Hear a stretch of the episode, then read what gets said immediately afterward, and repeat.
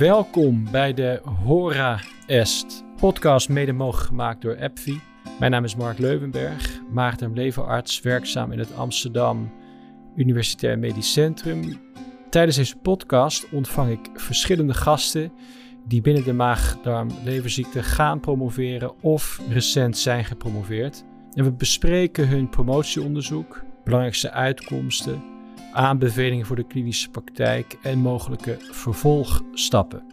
Vandaag is bij mij te gast, zoals gezegd, de eerste podcast van deze reeks, Maarten de Groen, maagdarm-leverarts in opleiding en werkzaam in het Radboud Universitair Medisch Centrum te Nijmegen. Titel van zijn thesis is To Evaluate and Improve Prediction, Surveillance and Management of Advanced Neoplasia in IBD. Maarten, welkom. Dankjewel, Mark.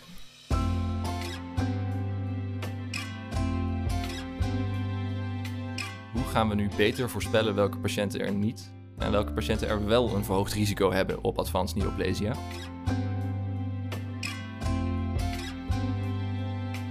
Ik denk dat dat ook maar bewijst dat het heel complex en moeilijk is om dysplasie goed te graderen voor pathologen.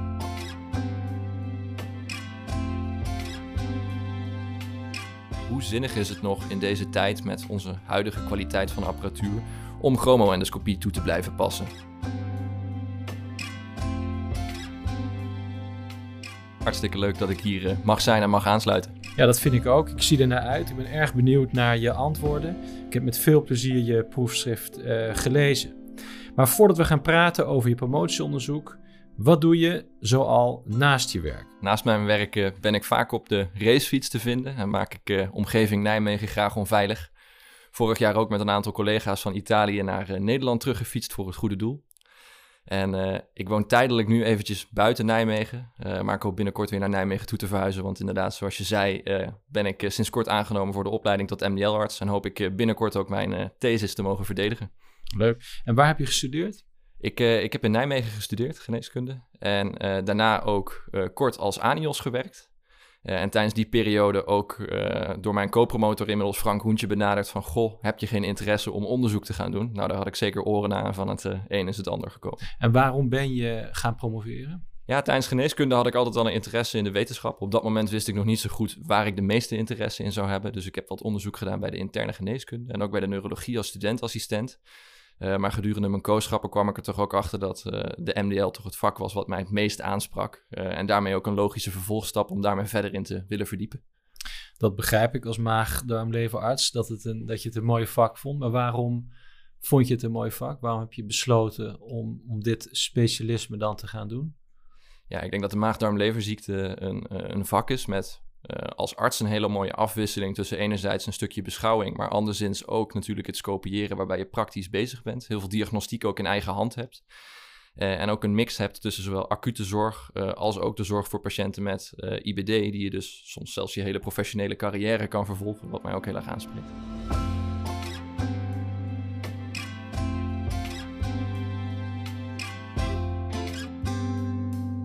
U luistert naar de Promo Podcast. Uh, vandaag ben ik in gesprek met Maarten de Groen over zijn promotieonderzoek. En ik herhaal de titel nog eventjes van zijn thesis: To Evaluate and Improve Prediction, Surveillance and Management of Advanced Neoplasia in IBD. Uh, Maarten, hoe ben je op het idee gekomen om op dit specifieke onderwerp te promoveren? Ja, daar moet ik heel eerlijk over zijn. Ik uh, kwam als, uh, als versbakken anios in het Radboud UMC terecht. Uh, en al snel kwam mijn co-promotor, uh, dokter Frank Hoentje, naast mij lopen in, in, de lange gang van het Radboud UMC op weg naar de overdracht. En hij vroeg aan mij, goh Maarten, heb je geen interesse om onderzoek te doen uh, binnen de IBD? Ik heb nog een aantal mooie ideeën.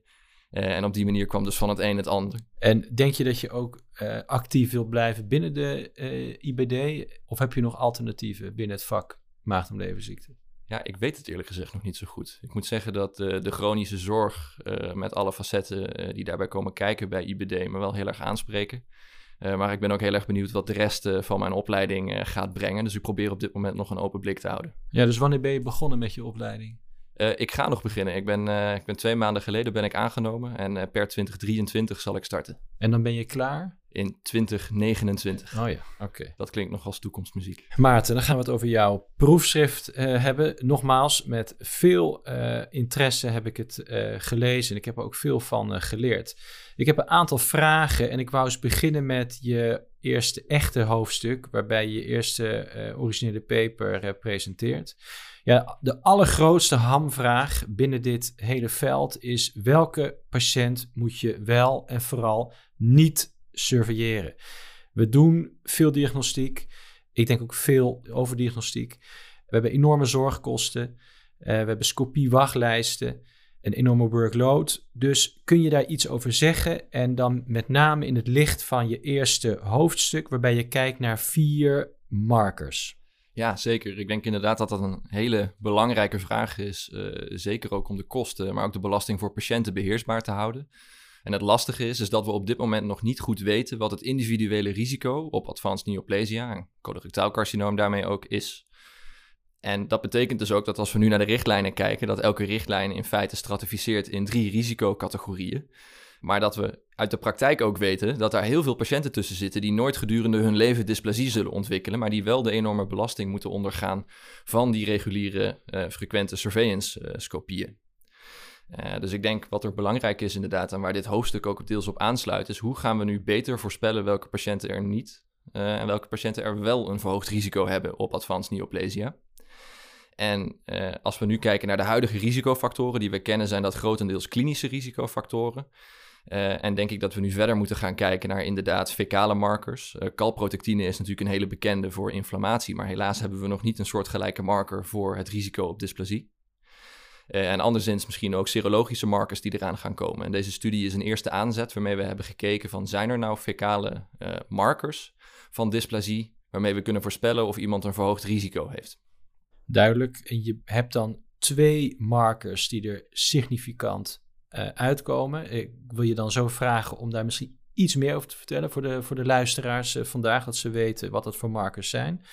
Maar voordat je dat doet, vroeg ik me af, waarom kijk je in eerste instantie naar vier markers en heb je niet wat breder ingeschoten in eerste instantie? En dit, de tweede vraag is, zijn colitisdata? Kun je het ook vertalen naar de ziekte van uh, Crohn? Heb je daar ook een idee over? Ja, ik denk dat dat twee hele interessante vragen zijn. En het antwoord op de eerste vraag is dat we uh, relatief beperkt nog hebben gekeken met vier markers waarvan er ook enige literatuur aanwezig was uit de hoek van sporadisch colorectaal carcinoom, dat ze geassocieerd waren met uh, kanker. Waarbij er voor colibactin bijvoorbeeld, een van die vier factoren, er ook data is dat dat mogelijk bij patiënten met IBD ook het geval zou zijn, maar dat waren zeer beperkte studies. Dat was de reden daarvoor. En je tweede vraag is me even ontschoten. Ja, hoe kun je het vertalen naar de ziekte van Crohn, denk je ook? Of gelden, eh, zijn dat andere markers waar we naar op zoek moeten gaan?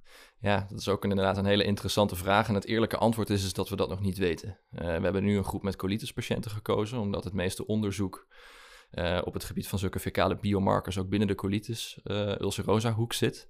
Uh, maar voor een vervolgstudie is het denk ik zeker interessant om ook te gaan kijken naar Crohn. Je zegt nu vervolgstudie. Weet jij of er nog vervolgstudies nu gaande zijn binnen de onderzoeksgroep waar jij gepromoveerd bent? Want dit is natuurlijk een ongelooflijk belangrijk veld. Hè? Het vinden van predictieve markers.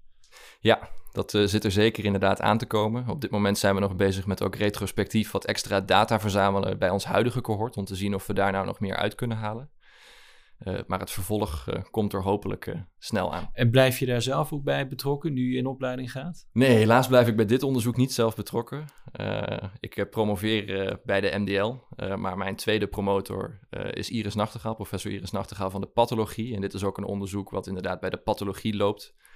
Uh, dus hier zal ik uh, helaas ook wel niet meer verder gaan. Duidelijk, dank. Dan, als je het goed vindt, wilde ik doorgaan naar het volgende hoofdstuk, waarbij je uh, pouchneoplasie bestudeert bij patiënten met inflammatoire darmziekte die in verband met colorectale neoplasie een proctocolectomie met pouch hebben gekregen. Uh, wij hanteren de surveillance-richtlijn waarbij we patiënten uh, onderscheiden in zogenaamde hoog, intermediate of low risk profiles. En dan scopiëren we of jaarlijks, of driejaarlijks, of vijfjaarlijks respectievelijk. Wat is nu jouw advies als je kijkt naar de data, uh, ook uit jouw chapter 3, waar ik nu naar vraag, of we dezelfde richtlijn moeten hanteren voor de pouch, of moeten we dat nou anders doen? Ik denk dat we op dit moment eigenlijk nog maar heel weinig weten over wat de risicofactoren zijn voor uh, het ontwikkelen van pouchcarcinoom of pouchdysplasie en hoe groot die risicofactoren daadwerkelijk zijn. En dat is een probleem wat deels natuurlijk ook speelt in de algemene IBD-populatie. Als je kijkt naar het risico op uh, dysplasie bij die patiënten. Ik denk dat dat bij de pouch nog veel groter is, ook omdat het een heel zeldzaam event is, pouchcarcinoom. En waar we bij deze studie naar hebben gekeken, is uh, naar de etiologie, of in ieder geval de relatie tussen uh, colorectale neoplasie, wat de belangrijkste risicofactor is voor het ontwikkelen van een later uh, pouchcarcinoom, en, de pouchcarcinoom, en het pouchcarcinoom zelf, waarbij we genetisch hebben gekeken van zijn die vergelijkbaar wat betreft genetische handtekening, om het even simpel te zeggen. Uh, en daar zagen we dat dat eigenlijk uh, meestal niet het geval was. Dus dat betekent dat daar toch een, een, onafhankelijke relatie tussen die twee is. En dat er toch een multifactorieel probleem waarschijnlijk speelt bij deze patiënten. Maar dat het niet zozeer is dat er sprake is van een field effect. En dat die mensen daarmee gepredisponeerd zijn om pouchcarcinoom te ontwikkelen. Duidelijk, dank. Dan doorgaan naar het hoofdstuk wat hierop volgt. En dan maak je een klein sprongetje naar uh, kwaliteitsindicatoren voor surveillance uh, endoscopieën. En kijk je ook naar patient preferences, voorkeuren, wat natuurlijk heel interessant is. Um, je concludeert dat actieve endoscopische ontsteking en een uh, langere surveillance interval geassocieerd zijn met een verhoogde kans op advanced neoplasia. Uh, maar Maarten, dit, dit weten we toch al. Wat is nou nieuw uh, hier? Ben ik het helemaal mee eens. We weten inderdaad dat patiënten met veel inflammatie een verhoogd risico hebben op het ontwikkelen van dysplasie. En secundair daaraan natuurlijk colorectaal carcinoom of advanced neoplasia. Maar de vraag die we met deze studie wilden beantwoorden was of er ook door actieve inflammatie tijdens een surveillancekopie een verhoogd risico is op het missen van uh, dysplasie. En dat zijn lesies die je dan mist en die vervolgens kunnen uitgroeien tot advanced neoplasia. En uh, wat we hier hebben gevonden is dat dat inderdaad het geval lijkt te zijn na hele uitgebreide confoundercorrectie. Um, en dat inflammatie dus niet alleen een risicofactor is voor uh, DNA-schade en daarmee uiteindelijk dus ook voor dysplasie, maar dat het ook voor de scopist het risico groter maakt dat je een lesie mist. Ja, heel duidelijk. Dat begrijp ik ook goed. Dus hoe zie je dat nou in de huidige situatie wanneer we in, het, in een iets breder perspectief zien? We hebben veel krachtiger medicamenteuze opties. Kun je daar iets over zeggen? En ook hoe we dit dan moeten implementeren in de praktijk? Ik denk dat dit een hele lastige situatie is, want de patiënten met de meeste inflammatie die we het slechtst kunnen behandelen. Dat zijn ook de patiënten die dan toch een surveillancekopie krijgen waarbij er nog steeds persisterende inflammatie is. Uh, en dat zijn dan dus de mensen die het hoogste risico hebben op het ontwikkelen van dysplasie en colorectaal carcinoom, maar tegelijkertijd dat we die dus ook het slechtste uh, daarop kunnen beoordelen en het ook het slechtste kunnen voorkomen. Uh, in brede zin denk ik dat de incidentie van dysplasie en colorectaal carcinoom bij IBD nog steeds omlaag gaat, volgens de grote epidemiologische studies uit voornamelijk Scandinavië. En dat dat, uh, wat mij betreft, niet alleen te wijten is aan effectievere surveillance met betere kwaliteit technieken en meer evidence op dat gebied, maar zeker ook een betere medicamenteuze behandeling om die inflammatie inderdaad in te dammen. Ja, eens. Helemaal met je eens. En dan bespreek je ook in het hoofdstuk wat daarop volgt, patiëntvoorkeur. Bowel preparation vinden ze een belangrijke. Maar dit is wel een spanningsveld, want dan, nu heb je het over medisch inhoudelijke argumenten. Hoe vaak moet je iemand surveilleren? Moet je wel of niet opereren bij bijvoorbeeld high-grade dysplasia? En dat moet je dan dus afwegen tegen uh, de voorkeur van de uh, uh, patiënt zelf.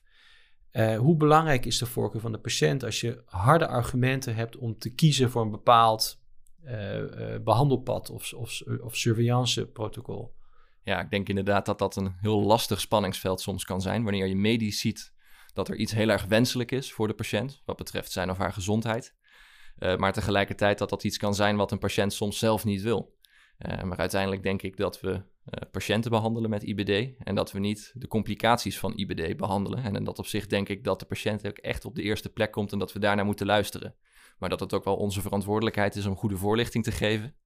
En dat het heel erg afhankelijk per patiënt is hoe we dat doen eh, en hoe we daar ook in kunnen sturen samen met de patiënt.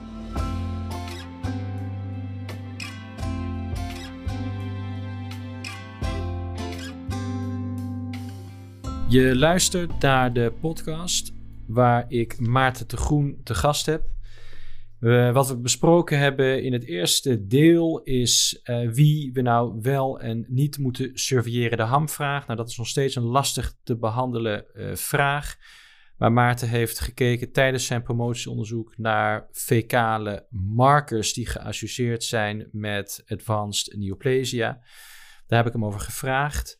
Uh, we hebben het gehad over pouch surveillance. En Maarten heeft daar ook advies over gegeven hoe dat geïmplementeerd moet worden in de huidige praktijk. We hebben het gehad over de uh, risicofactoren die geassocieerd zijn met het missen van advanced neoplasia. En dan ook in het licht van de potentere medicamenteuze opties, hoe we dat zouden moeten uh, zien.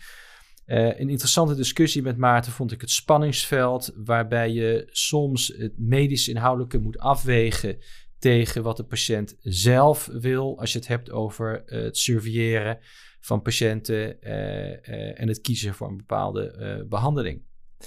Dan wilde ik graag verder gaan met chapter 7 van jouw thesis, Maarten, wat ik een hele interessante vond, waarbij je kijkt naar de impact van de histopathologische revisie en de Expert Pathologist Consensus voor patiënten met hooggradige dysplasie. Allereerst zeg je iets over de Inter-Observer Agreement voor hooggradige dysplasie tussen pathologen, Maarten. 0,33 is de kappa.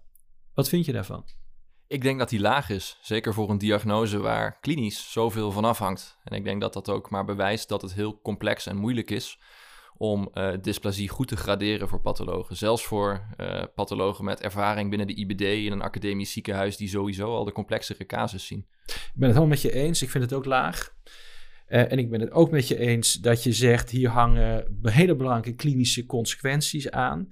Vervolgens kijk je dan naar een Expert Pathologist Consensus Meeting. En dan zie je dat een derde van de initiële hooggradige dysplasie wordt gedowngrade naar laaggradige dysplasie.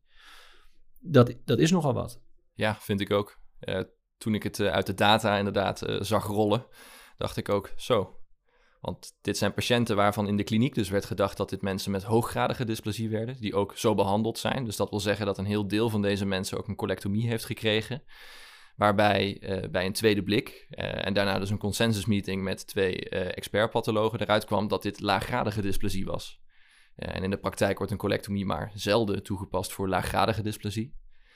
Uh, dus ik denk dat dat ja, belangrijke klinische behandelconsequenties uh, heeft. Uh, sorry dat ik je interrupeer. Ik denk zelden. Ik denk dat we dat niet doen. zeker als er ook wat inflammatie meespeelt. Dus ik vind dit een hele belangrijke. Maar wat, wat moeten we hier nu in de klinische praktijk mee met deze belangrijke bevinding van jou? Ja, ik denk dat de klinische boodschap eigenlijk uh, vrij simpel, maar ook vrij duidelijk is. En dat is namelijk dat bij dysplasie, waarbij er grote behandelconsequenties aan zitten, dus bij hooggradige dysplasie is dat meestal het geval, dat is ook de reden waarom we erop uh, hebben gefocust, uh, dat het echt de moeite kan zijn om hier twee pathologen nog een keer extra naar te laten kijken. En dat kost niet extreem veel tijd voor een koepen. Hooggradige dysplasie is per definitie relatief zeldzaam, maar de klinische consequenties die kunnen daarmee enorm groot zijn. Ja, eens. Kunnen we een stapje verder gaan dat je, uh, ik weet niet wat of dat moet hoor, maar dat we eigenlijk dit soort uh, pathologische beslissingen nemen in een consensusmeeting, in een multidisciplinair teamoverleg? Ja, ben ik het helemaal mee eens. Ik denk dat dat uh, buiten de IBD soms ook al gebeurt, bijvoorbeeld met Berget slokdarm. Um, en ik denk dat dat ook de moeite waard kan zijn bij IBD. Ja. Vervolgens ga je in hoofdstuk 8 de risico's analyseren van synchrone en metachrone neoplasie na endoscopische resectie. Uh, maar ook naar partiële, subtotale en uh, colectomie en proctocolectomie. En dit is natuurlijk een hele interessante, want vandaag de dag doen we steeds vaker endoscopische resecties. Wat je laat zien is dat na een endoscopische resectie er een significant hogere kans is op bijvoorbeeld metagone lesies, vergeleken met bijvoorbeeld een subtotale colectomie of een proctocolectomie voor advanced neoplasia. Wat vind je daarvan? En hoe moeten we deze patiënten surveilleren? Ja, dat is een interessante vraag. Ik denk dat het te verwachten is Omdat hoe groter de resectie en hoe minder aangedaan colon erachter blijft, hoe lager ook het risico is dat je in de toekomst nog dysplasie of een andere lesie daar kan ontwikkelen. maar anderszins is het zo dat een subtotale colectomie natuurlijk een ingreep is met een enorme functionele impact voor patiënten. En dat het niet alleen maar gaat om het risico, het toekomstige risico op dysplasie of colorectaal carcinoom. Uh, en daarbij denk ik dus ook dat je in goed overleg, zeker met alle uh, opkomende endoscopische technieken, soms minder invasief kan zijn en kolonsparender kan handelen. en daar zit dus inderdaad wel een risico aan vast, want ja, het slijmvlies wat achterblijft waar ook veel inflammatie is geweest, daar loop je het risico in dat je daar dysplasie in kan gaan ontwikkelen. En ik denk dat je dat dus ook frequent endoscopisch moet gaan vervolgen. Uh, en wat mij betreft zou je daar eigenlijk de richtlijn voor aan kunnen gaan houden, zodat we, zoals we dat ook doen bij sporadisch colorectaal carcinoom, waarbij er grote lesies met EMR of ESD worden verwijderd. En uit deze studie kunnen we die adviezen natuurlijk niet goed geven, want het is een retrospectief cohortonderzoek met een best wel brede, diffuus, eh, met een best wel heterogene populatie. Uh, maar ik denk dat een eerste scopie na drie tot zes maanden, een beetje afhankelijk van het risico van de lesie en hoe groot de lesie was, zeker aan te bevelen is. Ja, ja. Nou, dat is goed om dat van jou te horen als expert. Je bent natuurlijk uh, enorm op, de hoogte nu van de, uh, ook de huidige ontwikkelingen. We hebben het dan bijvoorbeeld over wat je zelf terecht al zegt, de steeds ja, betere endoscopische behandelmogelijkheden. Dan hebben we het over resecties van dit soort lesies. Maar wat ook uh, enorme ontwikkeling is, is de type scopen wat we gebruiken. Vandaag de dag hebben we prachtige high definition scopen, waarbij je met wit licht prima lezers kunt onderscheiden van normaal darmweefsel. Vandaag de dag doen we nog dye spray, chromoendoscopie, wat ook echt een nadelen uh, heeft, zoals je weet. Hoe, hoe zie jij dit nu? Dus conventionele dye spray, wat we jaren gedaan hebben, versus high definition scopen met wit licht, als we het hebben over surveilleren. Het is eigenlijk een, eh, een klein stapje buiten mijn thesis. Uh, maar een studie waar ik uh, wel gedurende ook mijn PhD bij betrokken ben geweest, is een grote Nederlandse RCT in meerdere academische centra, waaronder ook hier in het uh, AMC. Waarbij we inderdaad deze vraag proberen te beantwoorden: hoe zinnig is het nog in deze tijd met onze huidige kwaliteit van apparatuur om chromoendoscopie toe te blijven passen? met methyleenblauw of indigo-carmijn.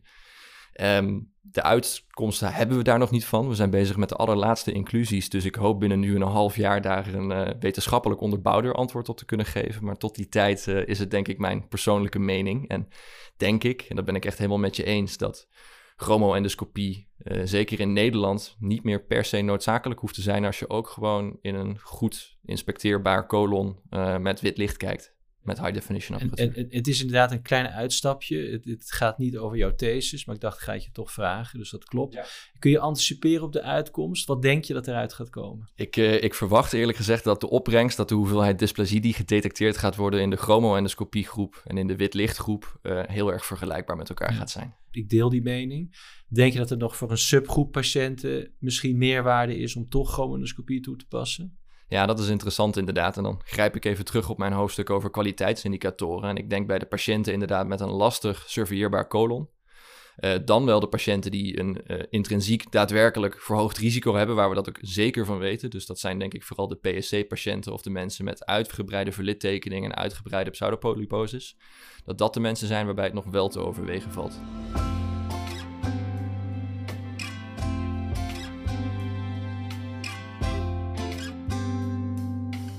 Je luistert naar de podcast waarbij ik in gesprek ben met Maarten uh, te Groen. We hebben verschillende hoofdstukken besproken. In het tweede deel van deze podcast hebben we het gehad over de histopathologische revisie, waarbij we de inter-observer agreement tussen pathologen hebben besproken voor high-grade dysplasia. En waarbij er eigenlijk een aanbeveling wordt gedaan door Maarten om in de klinische praktijk uh, dit soort hele belangrijke pathologische beslismomenten in een consensus meeting te evalueren, omdat het grote klinische consequenties voor de patiënt kan uh, hebben. Vond ik heel interessant. We hebben het gehad over de nieuwe endoscopische behandelmogelijkheden, waarbij we steeds vaker lesies endoscopisch uh, recesseren, wat in het verleden operatief werd gedaan. Hoe ga je nou om met het surveilleren van dit, soort patiënten? Wat is de kans op metagone uh, lesies? Um, we hebben nog een klein uitstapje gemaakt, even buiten het proefschrift uh, van Maarten om, waarbij we dye spray chromonoscopie hebben vergeleken met high definition endoscopie, waarbij de uh, lopende Helios-studie even langs kwam. Maarten, we hebben veel besproken. Je zal vast nog een aantal dingen hebben waarvan je zelf zegt, dat vind ik nog interessant om te vermelden voor dit publiek. Wat ik denk ik eh, als boodschap mee zou willen geven is op het gebied van surveillance bij IBD. Uh, dat we met z'n allen goed moeten beseffen dat we op dit moment nog niet zo goed weten welke patiënten wel en niet een verhoogd risico hebben. Dat we op basis daarvan dus ook uh, goed met de patiënt in gesprek moeten gaan wat zijn of haar wensen zijn voor surveillance, nog even afgezien van de medische noodzaak. Dat als we surveillance uitvoeren, dat ik denk dat we dat in de toekomst vooral met wit licht gaan doen en dat we daar meestal geen chromoendoscopie meer voor nodig hebben. Maar mochten we nou, ondanks al onze medicamenteuze opties die steeds beter en beter worden, waarmee we ook een lagere dysplasiegraad zien, toch dysplasie tegenkomen, uh, dat we dat zeker bij de hoge, hogere graderingen, hooggradige dysplasie, colorectaal carcinoom, uh, uh, ja, zowel linksom als rechtsom moeten bespreken met pathologen in zo mogelijk ook een consensusmeeting. En dan als laatste nog één puntje wat mezelf altijd wel aan het hart gaat, is dat is namelijk ook een stukje duurzaamheid, wat ik graag nog zou willen benoemen. we scopiëren een hele hoop bij de MDL ik denk dat het heel goed is om ook te gaan kijken of we het daar niet nog beter kunnen gaan doen. Uh, en dat staat totaal los van surveillance uh, naar colorectaal carcinoom bij IBD, maar wel iets waar we denk ik ook met z'n allen aan kunnen werken. Dankjewel. En daarmee, beste luisteraars, zijn we aan het einde gekomen van deze podcast. Het was me een waar genoegen, Maarten, om je als eerste gast van deze reeks hier in huis uh, te hebben. Ik wens je heel veel succes met, uh, met je verdere carrière. Dankjewel, bedankt dat ik hier uh, uitgenodigd was. Dank aan Jordan voor de techniek en de montage. En natuurlijk dank aan onze luisteraars voor het luisteren. Mocht je meer informatie willen over IBD of over deze podcast-serie, kijk dan op www.appvipro.nl of op Spotify. Heel graag tot de volgende keer. Dag.